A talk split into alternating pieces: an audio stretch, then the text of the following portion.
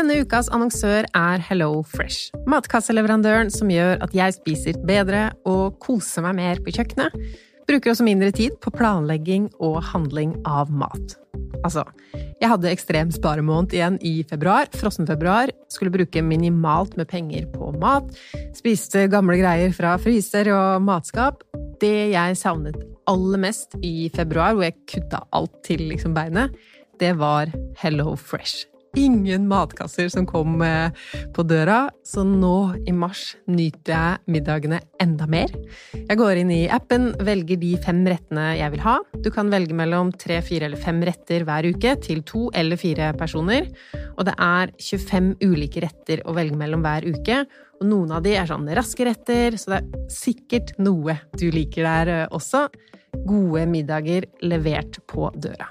Abonnementet er sånn at du når som helst kan hoppe over en uke, eller flere, sånn som jeg gjorde nå nettopp, og så kan du justere ned og opp hver eneste uke hvor mange retter og hvor mange porsjoner. Gå inn på hellofresh.no og bruk koden FRESHPENGE. Da kan du få opptil 1779 kroner rabatt på de fem første matkassene dine hvis du ikke har prøvd Hello Fresh enda. Du kan også bruke rabatten hvis du har vært kunde, men stoppa abonnementet ditt for tolv måneder siden eller mer. Gå inn på hellofresh.no.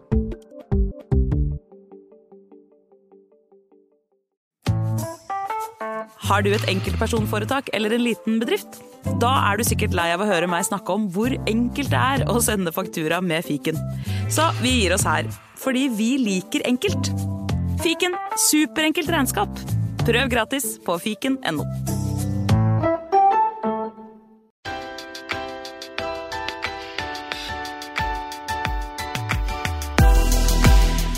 Velkommen til Pengesnakk podkast. Jeg heter Lise, og i dag har vi en gjest som foretrekker å være anonym. Og da kan vi jo snakke om alt det vi lurer på. Og jeg sier vi fordi lytterne her har vært aktive og sendt inn massevis av spørsmål til deg.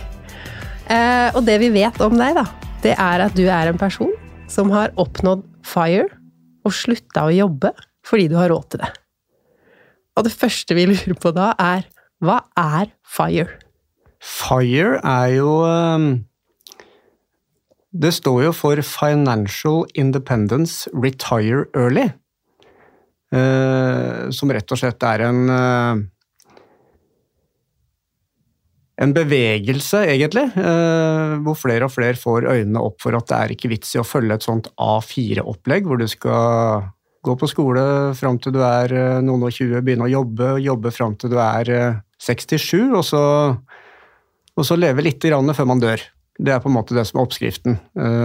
Alternativet er jo å gjøre en innsats fra man er ganske ung. Ha et bevisst forhold til egen økonomi og egen sparing.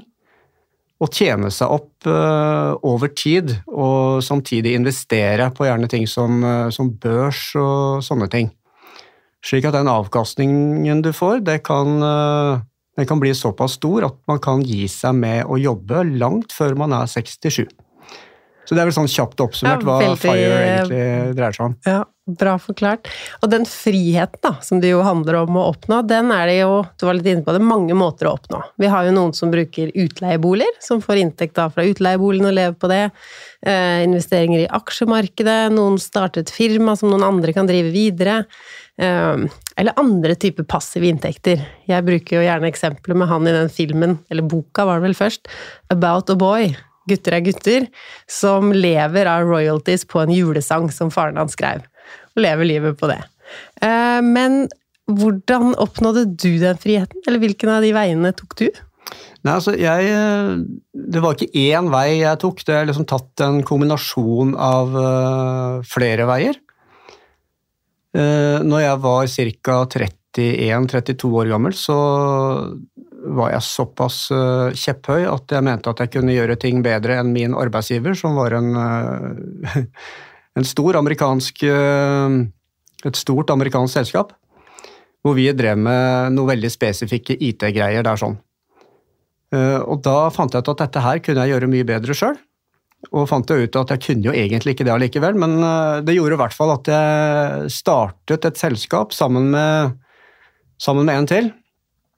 Og øh, det selskapet har egentlig gått ganske bra fra vi har starta. Så allerede da så begynte jeg å ha en såkalt en sparerate som var ganske høy. Vil si at man tar jo ut lønn, men så bruker man ikke opp hele lønna. Kanskje man bare bruker halve, og så setter man av den halv, andre halvparten typisk på børs. Da har man en sparerate på 50 kan man si da. Og var det det du hadde? Det var det jeg hadde. Jeg har alltid hatt uh, 50 minst. Uh, men helt til å begynne med så hadde jeg jo huslån, så jeg var jo veldig aggressiv på å betale ned huslånet. Så jeg betalte over 50 av lønna mi til uh, huslånet for å bli kvitt det, for jeg ville ikke ha, jeg ville ikke ha lån, rett og slett. Men var det en økonomisk beslutning eller en følelsesmessig beslutning? For du nok... møtte vel mange som sa at det var veldig dumt å betale ned så mye på huslånet? Ja, Eh, det var nok mer en følelsesmessig ting. Um, jeg var eh, Den gangen så var jeg Jeg kunne ikke så veldig mye om privatøkonomi den gangen som jeg kan nå. Eh, samtidig så er jeg jo veldig glad for det, for jeg kunne jo bare brukt det på tull ellers. For det er også en sånn greie som jeg har hatt. altså Jeg er nødt til å bli kvitt pengene fra lønns lønnskontoen min, eller så bruker jeg det på bare tull. Så jeg er veldig strukturert. Når jeg får lønn, så setter jeg av x antall prosent på en lønnskonto, og så skyfler jeg alt annet vekk. Altså jeg har en regningskonto og litt sånn forskjellig. Men eh, det jeg sitter med igjen, det er det jeg kommer til å bruke i rent forbruk i løpet av en måned. Alt annet har jeg brukt på investeringer, rett og slett, i en eller annen form. Og eh, senere også så, så, hadde jeg såpass mye investeringer at jeg begynte å få litt sånn høydeskrekk. Eh, dette var vel i 2010, vel. Og da fant jeg ut at jeg må jo kanskje gjøre noe med de pengene, istedenfor å bare ha dem stående på enten på konto eller i et eller annet fond, så bør man kanskje gjøre et eller annet interessant med det. Så da begynte jeg å tenke på boligmarkedet. Men først betalte du altså ned boligen din, og så investerte du i aksjemarkedet? Og så ja, Det var vel litt sånn flytende overgang, dette her. fordi jeg fant det ut at kanskje jeg ikke burde være så aggressiv. fordi da begynte boliglånet å komme ned på det som for meg var et uh, behagelig nivå.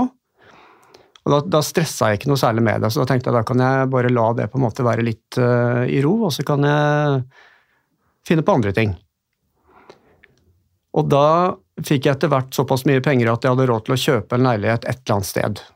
Og da var jeg litt usikker på om jeg skulle kjøpe det i Oslo, eh, eller om jeg skulle dra til utlandet. Ja, Tenkte tenk... du å få utleie, da, eller? Nei, jeg hadde ikke noen konkrete planer om det. Um, du ville ha vel... mer eiendom? Jeg ville ha en leilighet, Så fant jeg ut etter hvert at det skulle være i Frankrike, og det skulle være i Nis. Mm. Fordi jeg forelsket meg i den byen i 2008. Uh, det var sånn eh, kjærlighet ved første blikk, egentlig. Det er sånne ting som man opplever av og til når man kommer nye steder. Jeg har vært mange steder, men NIS det, det traff meg litt i hjertet. Så da fant jeg ut at ja, men det skal jeg kjøpe i NIS. Og så var jeg gjennom en uh, prosess med, med, et selskap som tilrettela for norske kunder som meg, uh, og brukte Ja, hvor lang tid brukte jeg, da? Uh, noen måneder, tenker jeg. Kanskje to-tre måneder. jeg er litt sånn når ting skjer, så skjer det litt kjapt. Så da endte jeg opp med å kjøpe en leilighet i NIS. Uh, og mye styr rundt den med håndverkere og sånne ting, men det er en helt annen En egen podkast om det. om Utfordringer i eh, boligmarkedet, ja. Men etter hvert så, så kom den Den prosessen kom igjennom, og jeg begynte å leie ut via Finn først. Ja, Til norske, da? Til bare til norske. Ja. Uh, og det var jo egentlig litt mye jobb, fordi jeg var litt sånn rigid med kontrakter og depositum og sånne ting. Så det var egentlig bare slik at jeg skulle dekke de kostnadene jeg hadde med den, med tanke på husleie og strøm og vann og en del sånne ting. Og det fikk jeg jo. Og den leiligheten har jeg ennå. Nå leier jeg ut via Airbnb. Ja. Eh, og har folk der nede som bare administrerer den kontoen. Så jeg gjør egentlig ingenting. Jeg bare får penger inn. Veldig behagelig. så du det noen som har vaktmesterdelen av det, og en annen som uh, styrer med utleien, så du godkjenner ikke leietager eller noen ting? Nei, ingenting. Så hun som jeg har der nede, hun administrerer alt. Hun tar dem imot. Uh, hun, ordner, hun har sine vaskehjelper osv., så, videre, så hun administrerer absolutt alt. Det er veldig behagelig, for det er ganske mye jobb ellers, altså. Men du bruker den leiligheten selv også? Ja, det gjør jeg. Jeg har nettopp vært der en uke nå, så det var ganske digg. La oss spole litt tilbake i historien fra mens du fortsatt jobba. Du drev dette firmaet mm. som konkurrerte med ditt gamle firma. Mm. Hvordan ble det? Ja, det sånn cirka. Ja. Og så du hadde masse investeringer i aksjemarkedet, eide din egen bolig, leiligheten i NIS. Og når fant du liksom FIRE-bevegelsen, og fant ut det her med at du skal faktisk jobbe deg opp så mye penger at du ikke trenger å jobbe igjen? Nei, jeg fant vel ut av at jeg skulle gi meg før jeg var 50. Ehm, det fant jeg ut før jeg ble obs på FIRE-bevegelsen. Det var noe som på en måte bekreftet mine tanker, ja, egentlig. Så du fant det egentlig på egen hånd? Ja. Ehm, så fant jeg ut at jeg er ikke aleine om dette her, nei. Det var jo interessant. Og sånn er det ofte. Så eh, nei, jeg fant Fire og begynte å lese meg opp på en del blogger og sånne ting, og det, det var jo helt, helt, identisk med hvordan jeg har tenkt. Eh, I hvert fall på deler av det, fordi jeg har jo både uh, holdt på privat også, og spart opp og investert over tid. Samtidig så har jeg gått andre veier også, med tanke på, på dette selskapet som, som nå til slutt også ble solgt. Ja.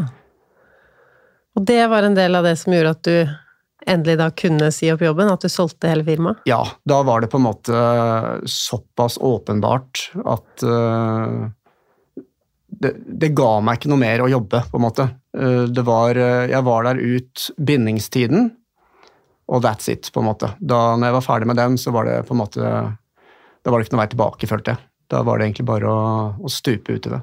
For da hadde jeg mer enn god nok råd til å, til å ta det steget. Ja, For hadde du først et sånt tall du tenkte jeg må ha akkurat den summen, ja. så har jeg råd? Ja, ja, det hadde jeg. Og hva var det tallet? Det var åtte millioner. 8 millioner. Mm. Og så solgte du firmaet, og da hadde du plutselig åtte millioner? Ja, det er mye mer. Mye mer, ja. ja. Pluss det da som jeg hadde spart opp selv. Pluss leiligheten. Så jeg var på en måte ja, veldig farlig. Du trengte ikke å sitte og finregne på slutten. Nei. Plutselig hadde du veldig mye mer enn nok. Ja. så det var, det var, eh, en ganske behagelig situasjon ja. å, å, finne ut av det. Og hvor lenge nå har du vært uten jobb, som man ville sagt? Ja, hvor lenge har du vært fire? Snart et år. Eh, jeg hadde siste arbeidsdag 30. juni i fjor. Og da kjøpte jeg meg en flaske champagne.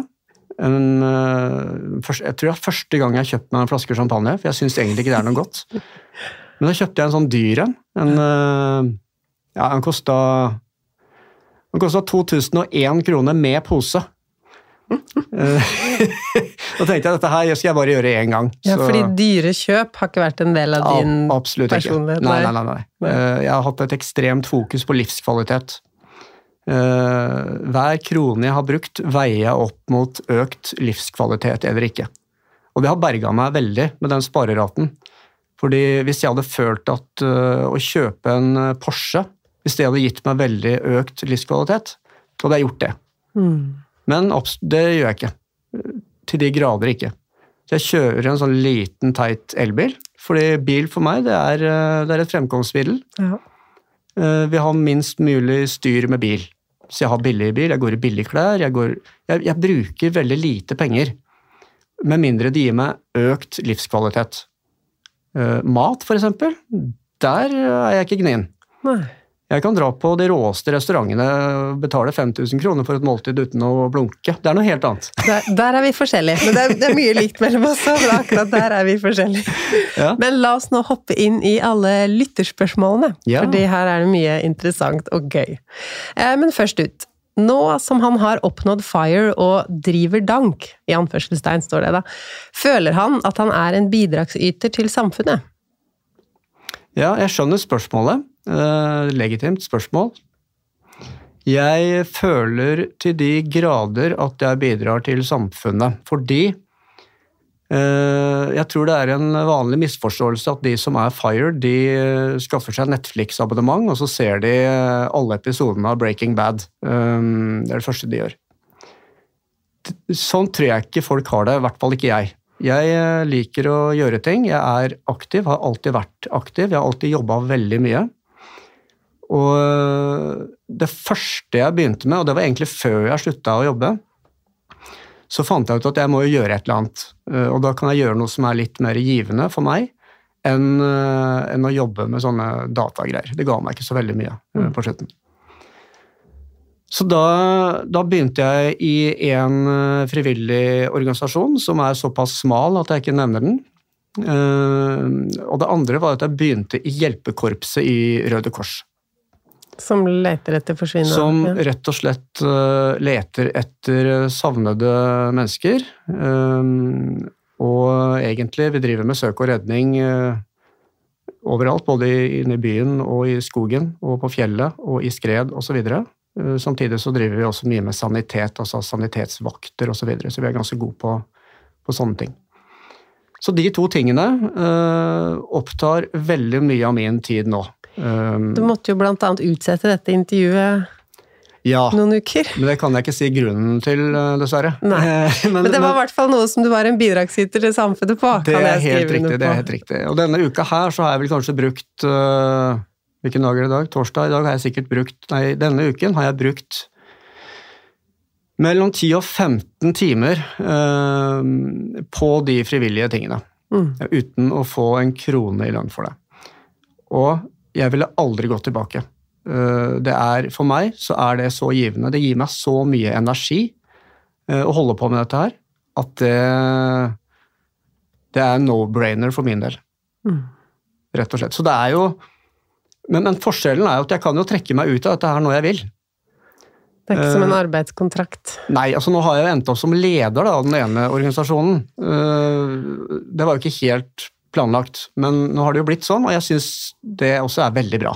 Jeg syns det er kjempespennende, fordi da har jeg muligheten til å egentlig gjøre det som jeg er litt god på, og det er å bygge opp eh, en gruppe basert på en bra kultur, bidra til en sunn eh, sunn fokus på verdier og kultur, basert på mange ting.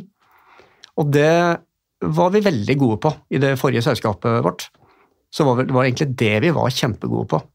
Å skape en så bra kultur at dette her selger seg sjøl utover. Det blir selvforsterkende. Når du får planta dette her over til medlemmene eller ansatte, så, så vil det på en måte skinne av seg selv. Og det vil på en måte gravitasjonen vil gå mot en sånn type kultur. Da. Mm. Men før du begynte å jobbe mot FIRE, dette er et eh, lytterspørsmål igjen, hva var grunnen til at du ønsket den friheten? Jeg syns ikke det var noe gøy, det jeg holdt på med. Mm. Det, fordi, altså, når man er 17-18-19 år, så skal du velge ok, du skal gjøre noe resten av livet. Uh, ingen er Jeg mener at Veldig få er i stand til akkurat det, og i hvert fall ikke jeg. Jeg skulle jo egentlig jeg skulle bli psykolog. skulle jeg bli. Eller først så skulle jeg bli pilot, ja. men det kunne jeg ikke bli fordi jeg er fargeblind. Og så skulle jeg bli uh, psykolog, og så fant jeg at det var jo vanvittig mye å lese, så det orka jeg ikke. og så fant jeg ut, da, via tilfeldigheter egentlig, at jeg tok dette med programmering ganske raskt. Eh, jeg skjønte jeg knakk den koden ganske raskt. Og da tenkte jeg kanskje jeg skal begynne med sånne datagreier, da. Så blei det det. Helt tilfeldig. Så da tenkte du ikke jeg må ha en jobb som betaler mye, for jeg skal ha den kort? Uh, nei. nei. Det var da ikke var... penga du gikk etter allerede? Nei, altså det var jo en kombinasjon, men, eh, mm. men jeg var jo Jeg ville jo bare ha en jobb, på en måte, som jeg ikke dreit meg altfor mye ut i. Ja. Så, men det er klart, Hadde jeg hatt litt lengre tid på meg, så hadde jeg nok valgt en helt annen karriere enn det jeg faktisk gjorde. Mm. Og det er jo en ting som FIRE kan muliggjøre for folk, da, at du først gjør noe annet, og så kan du bytte helt vei uten å måtte tenke ja. på kostnadene ved ny utdannelse og sånn. Og det er jo akkurat det jeg gjør nå. ikke sant? Jeg gjør akkurat det jeg har lyst til nå. Det er en perfekt kombinasjon av for jeg, jeg er friluftsmenneske, elsker å gå ut i skog og mark. Når jeg kan gjøre det kombinert med å faktisk gjøre eh, et samfunnsoppdrag, så er det helt fantastisk. Det gir meg utrolig mye. Og det at jeg ikke får betalt for det, couldn't care less. Det er irrelevant. Så det å gjøre det mest mulig, det, det gir meg kjempemye. Så svaret til den personen som spurte om, eh, om jeg føler meg som en eh, bidragsyter og driver dank, så er eh, svaret henholdsvis ja og nei. Så la oss snakke litt om penger. Hvordan fant du ut av den summen, åtte millioner? Hvor kom det tallet fra, eller hvordan regna du ut? Ja, da tok jeg rett og slett uh, utgangspunkt i disse teoriene som går på um, noe som kalles 4 %-regelen. Forklar den for oss. Ja. Uh, det er rett og slett Hvis man tenker seg oljefondet, så har de en handlingsregel. Den handlingsregelen sier at man har lov til å ta ut tidligere 4% nå 3 av avkastningen, sies det, men eh, det er jo ikke avkastning, egentlig. Nei, det er egentlig det er, beholdningen, jo selve, selve ja. beholdningen. Mm. Og grunnen til at det er 4 det er eh, rett og slett eh, Det er noe matematikk bak der som sier at pga. børsoppgangene over tid, som gjerne er mer enn 4 etter inflasjon, så i teorien da så kan du ta ut 4% av totalformuen din uten at formuen din går ned. Hvis du ser for deg at formuen din på sikt skal gå ned, så kan du ta ut mer enn 4 Det er det på en måte teorien er, da. Så det var den du brukte, ja. Det var den Eh, jeg brukte. Og da måtte du jo finne ut hvor mye trenger jeg i året? Ja. Og tok du utgangspunkt i det livet du levde? For det er en som spør her, hvor legger han lista? Typ reiseplaner utenlands, eller skal han ha alle ferier i telt? Jeg elsker jo telt, men, eh, men det er noe helt annet.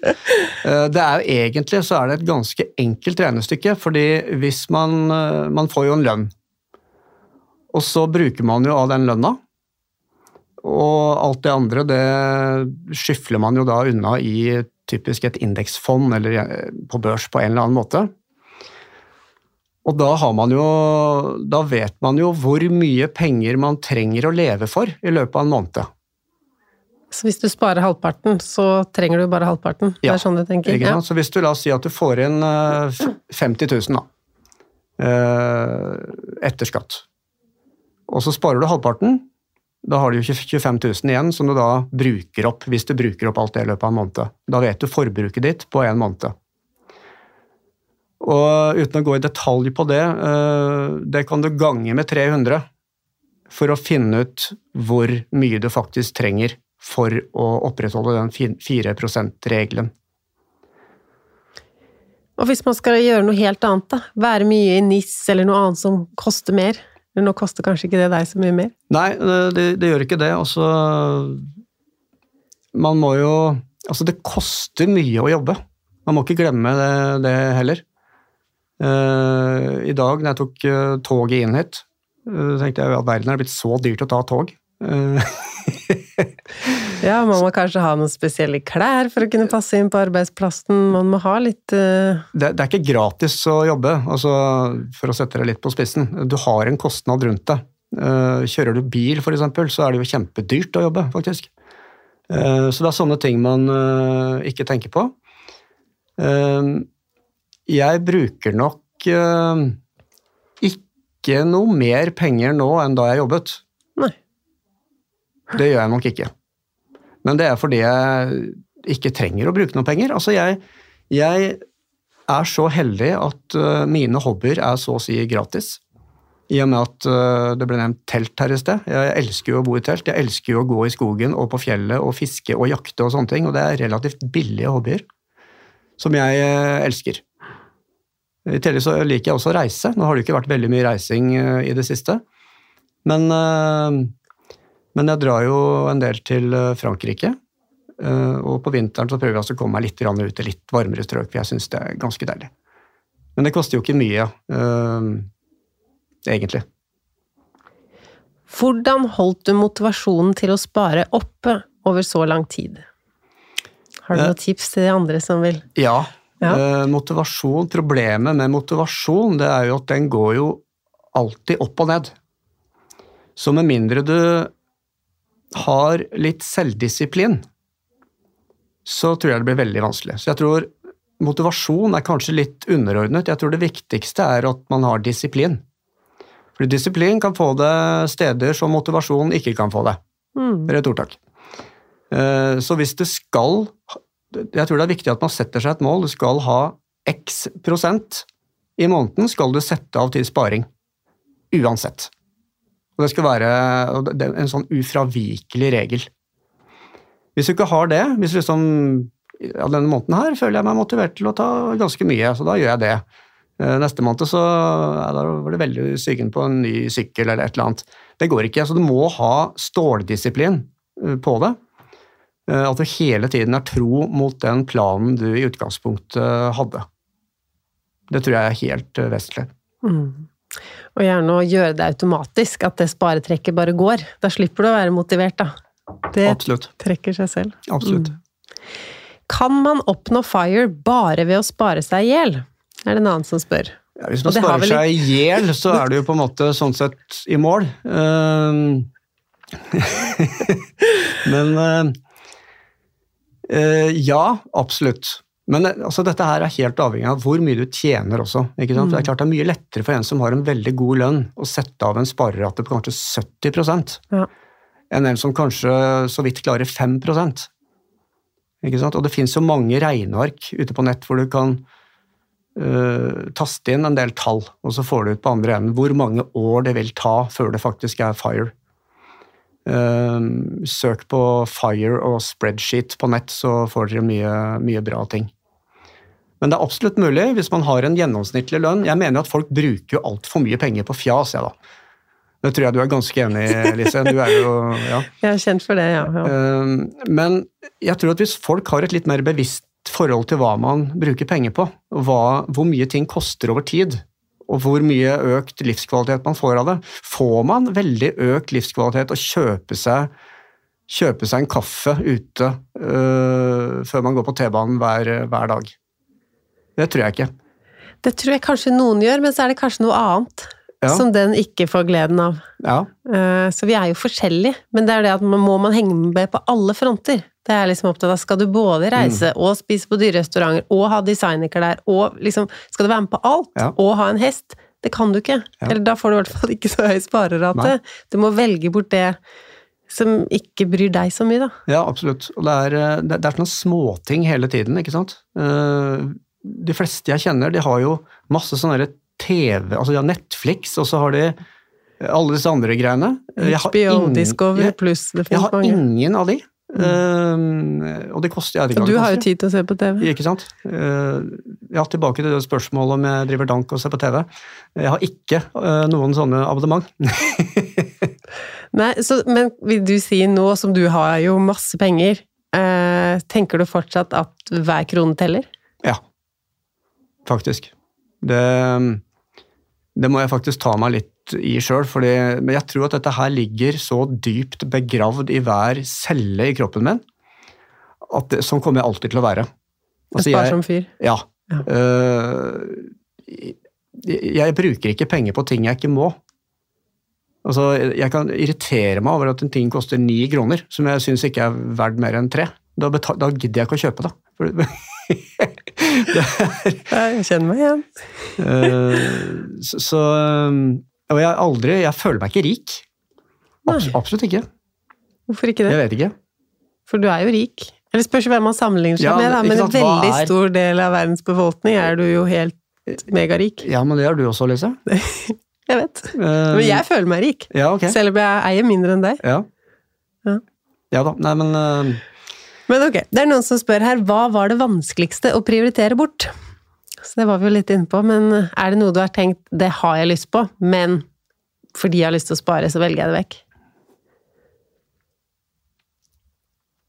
Um, jeg føler vel egentlig ikke at jeg har At den sparinga har gått på bekostning av noe, for min del.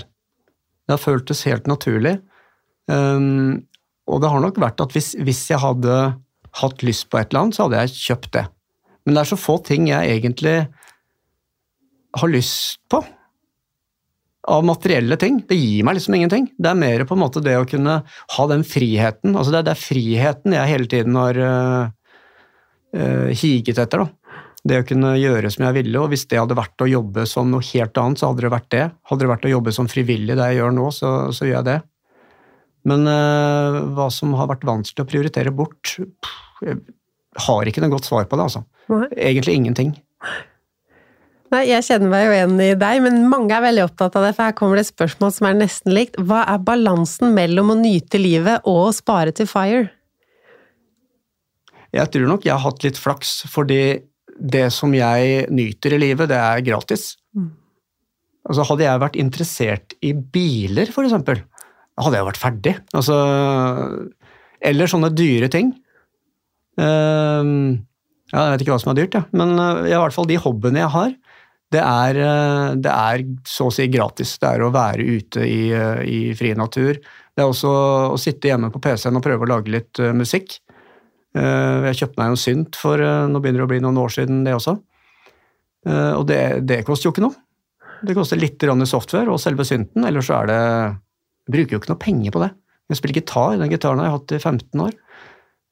Det er Men gå ut og spise, nevnte du tidligere. Ja, Så noen ting har du. ja, det gjør jeg. Det, det, men det gir meg såpass økt livskvalitet. Den, øh, den opplevelsen som det er. Det er altså for meg, så når jeg går på sånne ordentlig bra restauranter, type Maemo og sånne ting, så er det for å få en forestilling som varer en hel kveld. Ja. Og som jeg tenker på i mange år etterpå. Ikke sant? Altså for meg så betyr det ekstremt mye. Det, er, det gir meg så mye at å betale Det koster jo gjerne 5000 kroner for en uh, middag der med full pakke. Minst. Mm. Uh, men den varer så mange år, den opplevelsen. Ikke sant? Så, så hvis du på en måte bryter det ned, da, hva, hva det koster i uka, så er jo ikke det mye. For det er jo ikke ofte jeg gjør det heller. Det er jo ikke sånn at jeg drar på Moemo hver uke. Eh, absolutt ikke. Men det er de små dryppene innimellom uh, så, som jeg tar. Og hvis vi går over til livet nå, da, hvis jeg har sortert spørsmålet riktig her. Den første som spør hvor mye lever du for hver måned nå? Og da lurer jeg på, har du budsjett og har du Excel-ark og som du styrer eh? Nei. Nei. Jeg har aldri jeg har aldri hatt noe konkret budsjett, men jeg har hatt, jeg har hatt et budsjett i huet mitt. Og det har jeg fremdeles. Mm. Og øh, det jeg bruker gjennomsnittlig på en måned, det er ca. 20 000 kroner.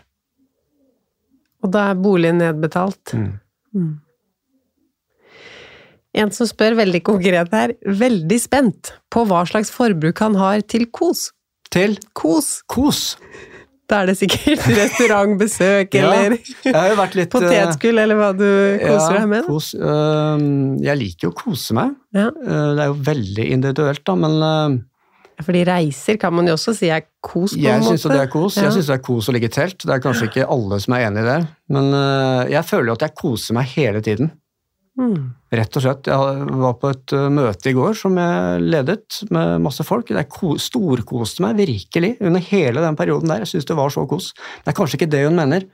Um, Her virker det som det er en, en budsjettpost, liksom, om du har en eh, ja, en månedlig post som du bruker hver måned til kos. nei, det har jeg ikke. Nei. Det tar jeg litt som det faller seg, egentlig. Men selve pengene, da. Hvordan får du pengene? Er det sånn at du selger aksjer eller fond hver måned? Eh, Akkurat nå så har jeg, i og med at jeg hadde et selskap eh, fram til juni i fjor, eh, så tar jeg fortsatt ut lønn derfra, så jeg hadde regnskapsmessig flytta det her over til, til i år. Så jeg tar ut vanlig lønn nå i år, så jeg får jo da pensjon og, og sånne ting av det. Eh, Men når det er slutt, så, så kommer jeg til å begynne på det private oppsparte midlene jeg har. For jeg har jo en ASK-konto, en aksjesparekonto, og der har man jo dytta inn ganske mye penger. Og fordelen med aksjesparingskontoen er at du kan ta ut det du har investert. Altså hvis du har putta inn 1000 kroner, så kan du ta ut den samme tusenlappen skattefritt. Og avkastningen blir på en måte stående igjen, og hvis du tar ut den, så må du selvfølgelig skatte. Eh, Så neste, neste fase så blir det at jeg tar ut det. Ja. Og så får vi se hvordan det står til med skatteregler og sånne ting. Um, For i selskapet så er det ganske mye penger, men det er ganske dyrt å ta ut. ja. Det er litt å sette seg inn i, da. I denne fasen òg. Ikke Ja. bare oppsparingsfasen, men så skal man Ja, det skal på en måte Det skal jo på en måte optimaliseres litt, hva som er lurt å gjøre for, for å ikke bli flådd skattemessig. For jeg betaler jo et sekssifret antall kroner i året eh, for, eh, i formuesskatt.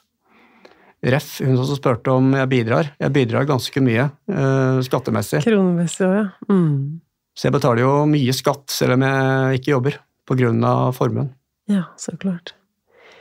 Hva med pensjon? Det er noen som lurer på hva med pensjonen din da, når du ikke jobber? Ja, jeg er såpass heldig at uh, jeg har sluppet å tenke så mye på det, egentlig. fordi hittil nå så har jeg jo hatt vanlig jobb og hatt en uh, pensjons... Altså uh, OTP, altså obligatorisk tjenestepensjon. og Så jeg har fått innbetalt vanlig fram til nå, men herfra og utover så vil jeg ikke få noe pensjonssparing. Og det har ikke så mye å si, egentlig. Fordi jeg vet at den formuen som jeg har, og som jeg forvalter, den varer forbi uh, pensjonsalderen min. Så jeg ser jo egentlig på, Hvis jeg får pensjon i det hele tatt, og det vet jo, jeg, jeg vet jo at jeg får pensjon, men jeg, i mitt hode så er det det jeg får en pensjon, det er en bonus. Ja, det har du ikke med i regnestykket. Nei. Og jeg tenker jo litt på det sånn, ja, hvis man tenker på FIRE, så eh, er det jo egentlig det at man har dratt den pensjonsalderen så nært nåtiden. Så du har jo allerede tenkt på pensjon. Eller Ja, du sikra din egen Det er også en måte å se det på. Uh, Så så jeg er jo sånn sett uh, pensjonist. Ja. ja. det er kanskje ikke det du liker å kalle det. Nei, jeg gjør ikke det, altså, for det høres så passivt ut. Eh, når jeg sier at jeg er pensjonist, altså det høres helt feil ut. Eh, nå har jeg ikke slått opp definisjonen av pensjonist, men, eh, men jeg har jo ikke gitt meg med noe annet enn en inntekt, altså en, ar en inntekt fra ar lønna arbeid. Så jeg driver jo fortsatt med mye greier, men bare helt gratis. Fordi vi definerer oss jo ofte, i hvert fall her i Norge, sikkert mange deler av verden, men etter det lønna arbeidet vi har. Så hvordan er det nå, når du møter folk du kanskje ikke kjenner, etter du ble fire, da? Så spør jeg, hva driver du med? Ja, Hva hva? jobber du med? Jeg syns det, der det, synes jeg, jeg synes det er kjempevanskelig. Jeg syns det er kjempevanskelig. Um, gr altså, grunnen til at jeg er her anonym i dag, det er jo at jeg ønsker ikke den type oppmerksomhet. Um, jeg vil ikke at folk skal se på meg på en annen måte enn de ellers hadde gjort hvis jeg ikke hadde hatt en liten formue.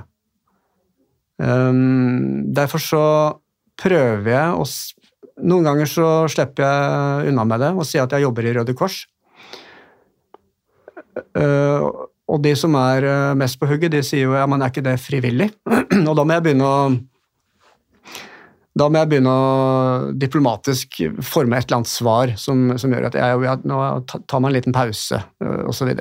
Ja. Så så Så får- ordet pensjonist har du aldri sagt? Nei, jeg har ikke det. Det er mange andre som bruker det om meg, av venner og sånn. Litt Ja. sånn på tull, egentlig. Men, øh, og det er jo helt naturlig. Men jeg er fortsatt usikker på hva jeg skal si, altså.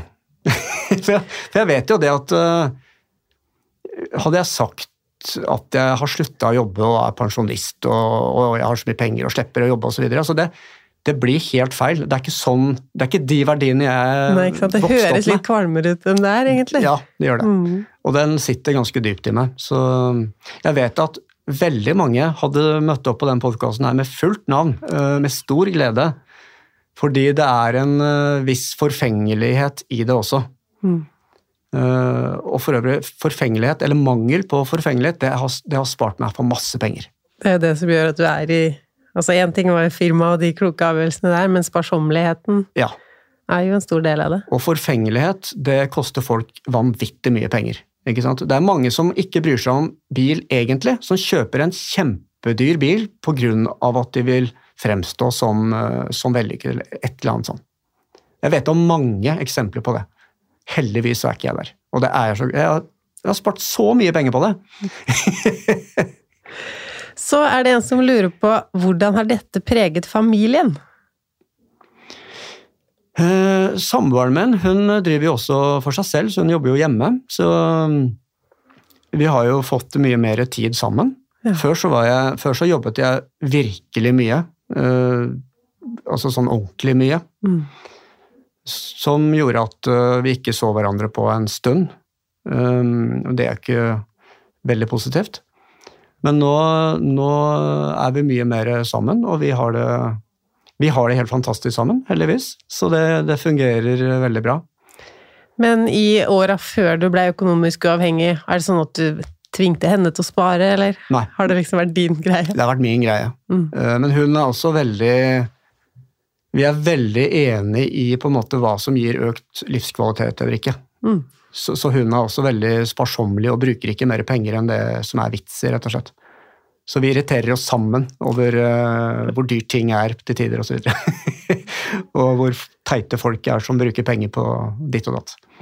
Så vi er ganske like sånn sett. Ja, og det er jo en fordel. Um, er du klar for flere spørsmål? Jeg er klar for alt, jeg. Er det mulig å opprettholde FIRE i dårlige økonomiske tider, eller må man jobbe litt innimellom likevel? Det kommer helt an på hvor mye man har, selvfølgelig. Ehm, litt sånn cocky. Jeg trenger ikke det, fordi jeg har på en måte mye mer enn det tallet mitt, som var åtte millioner. Ja. Eh, Så den kan eh, Jeg har jo investert Jeg har en balansert portefølje, og en balansert portefølje vil si at man har investert i mange forskjellige typer aktiva. Eh, Og en aktiv er da en, typisk et fond. Eh, Det kan være rentebærende papirer, det kan være kontanter. eh, Det kan være obligasjoner, som er en Gull, kryptovaluta, masse, masse sånne greier. Så jeg føler at jeg har en balansert portefølje. Dvs. Si at hvis børsen går skikkelig dritt, så er jeg fortsatt sikra på andre måter. Eh, Jeg glemte å si at jeg har kjøpt enda en leilighet. eh, Faktisk nå for et år siden. Ja, så rett før du pensjonerte deg, Ja. som jeg sier nå. Ja, ikke sant? Eh, Som jeg kjøpte et helt annet sted i landet. Som en investering. Som, det var mer en investering, ja. For jeg Ja. tenkte at jeg måtte ha litt mer i eiendomsmarkedet. Og da tenkte jeg først Oslo, men så tenkte jeg at jeg tør ikke i Oslo.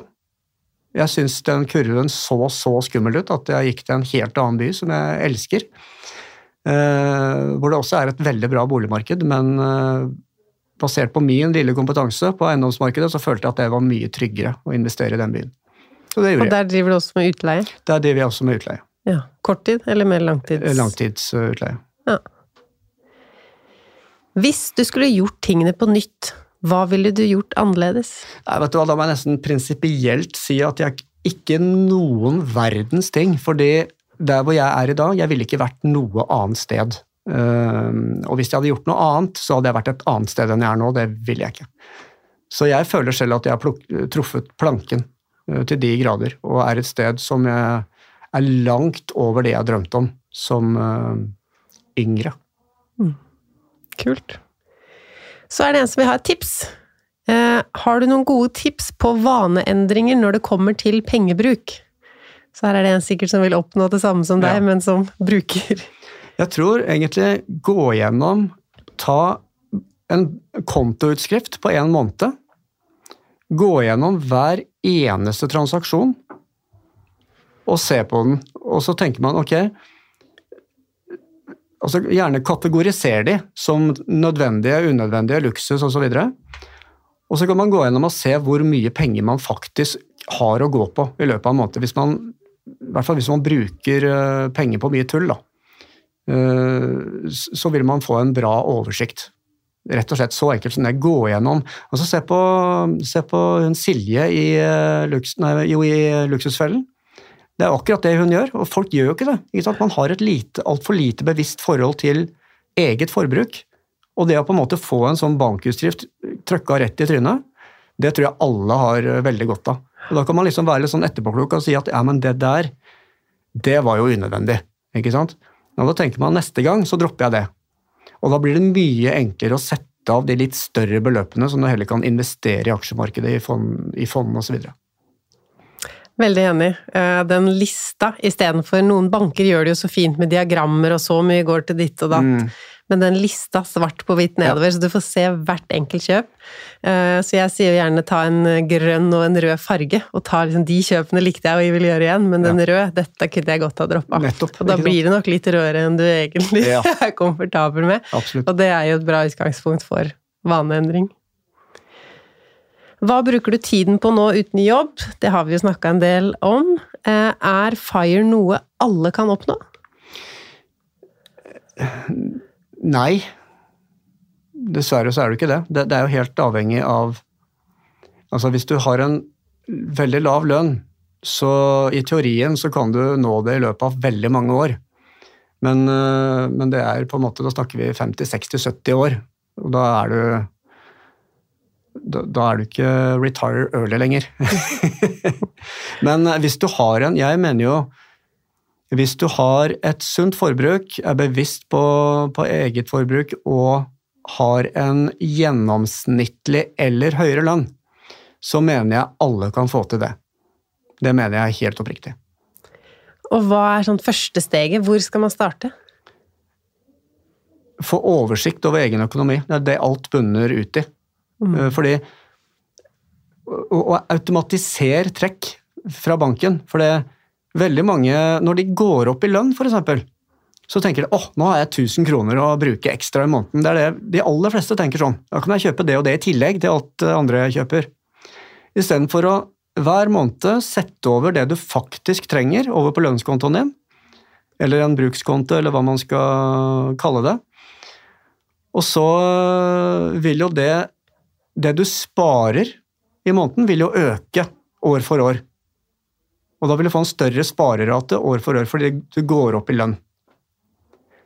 Så rett og slett koble forbruk og lønn litt mer fra hverandre enn det folk flest Ja, mm. absolutt. For det dummeste Jeg har jo vært arbeidsgiver, og det dummeste jeg hører, var liksom Ja, men jeg har jo et så høyt forbruk at jeg må ha den lønna. Den, den biter ikke veldig på meg, altså. Eh, da er det bare å gå hjem og skjerpe seg. Og de fikk en veldig god lønn av oss. Mm. Siste spørsmål. Jeg tror vi har skjønt svaret på det her, de vi som har fulgt med på hele intervjuet, men jeg som sier så, prikk, prikk, prikk, prikk, fem prikker der. Er du lykkelig nå som du har oppnådd FIRE? Jeg er fantastisk lykkelig, og det beste av alt, jeg har så mye energi. Jeg har så vanvittig mye energi. Hva Før, kommer det av? At du ikke har vekkerklokke, eller? Jeg, jeg, tror det. Altså jeg, sover, altså jeg, sover, en time lenger, that's it, uh, hver morgen. Jeg tror ikke det skal mer til. Fordi jeg syntes det var helt forferdelig å stå opp uh, når jeg hadde vekkerklokka på. Men nå viser det seg at jeg våkner jo uansett en time etterpå, så jeg, egentlig så kunne jeg bare begynt på jobb en time seinere. Men da måtte jeg jo jobbe tilsvarende eh, lenge, ikke sant? Mm. så man blir jo sliten av å jobbe. Eh, men nå jobber jeg jo med ting som, som gir meg energi. Altså jeg får mer energi etter jeg på en måte har vært eh, og gjort en del ting for eh, de frivillige tingene jeg holder på med, enn før jeg begynner. Og det er vanvittig deilig. Men så, men så sier jeg med våre Jeg nevnte det, nevnte det, for deg i sted også, Lise, at det var vel Hemingway som sa at så lenge du har en jobb du virkelig elsker, så slipper du å jobbe en dag resten av ditt liv. Mm. Ikke sant? Fordi da ser man ikke på det som jobb. Det er akkurat det. Så sånn sett så har jeg funnet det som jeg elsker å holde på med. Og jeg føler ikke at det er jobb i det hele tatt. Tusen takk for at du eh, kom hit. Vi fortsetter praten i eh, Facebook-gruppa vår Pengesnakkerne. Jeg oppretter et innlegg, så kan du legge inn eh, spørsmål og kommentarer og diskutere FIRE og dette intervjuet med de andre som har hørt på.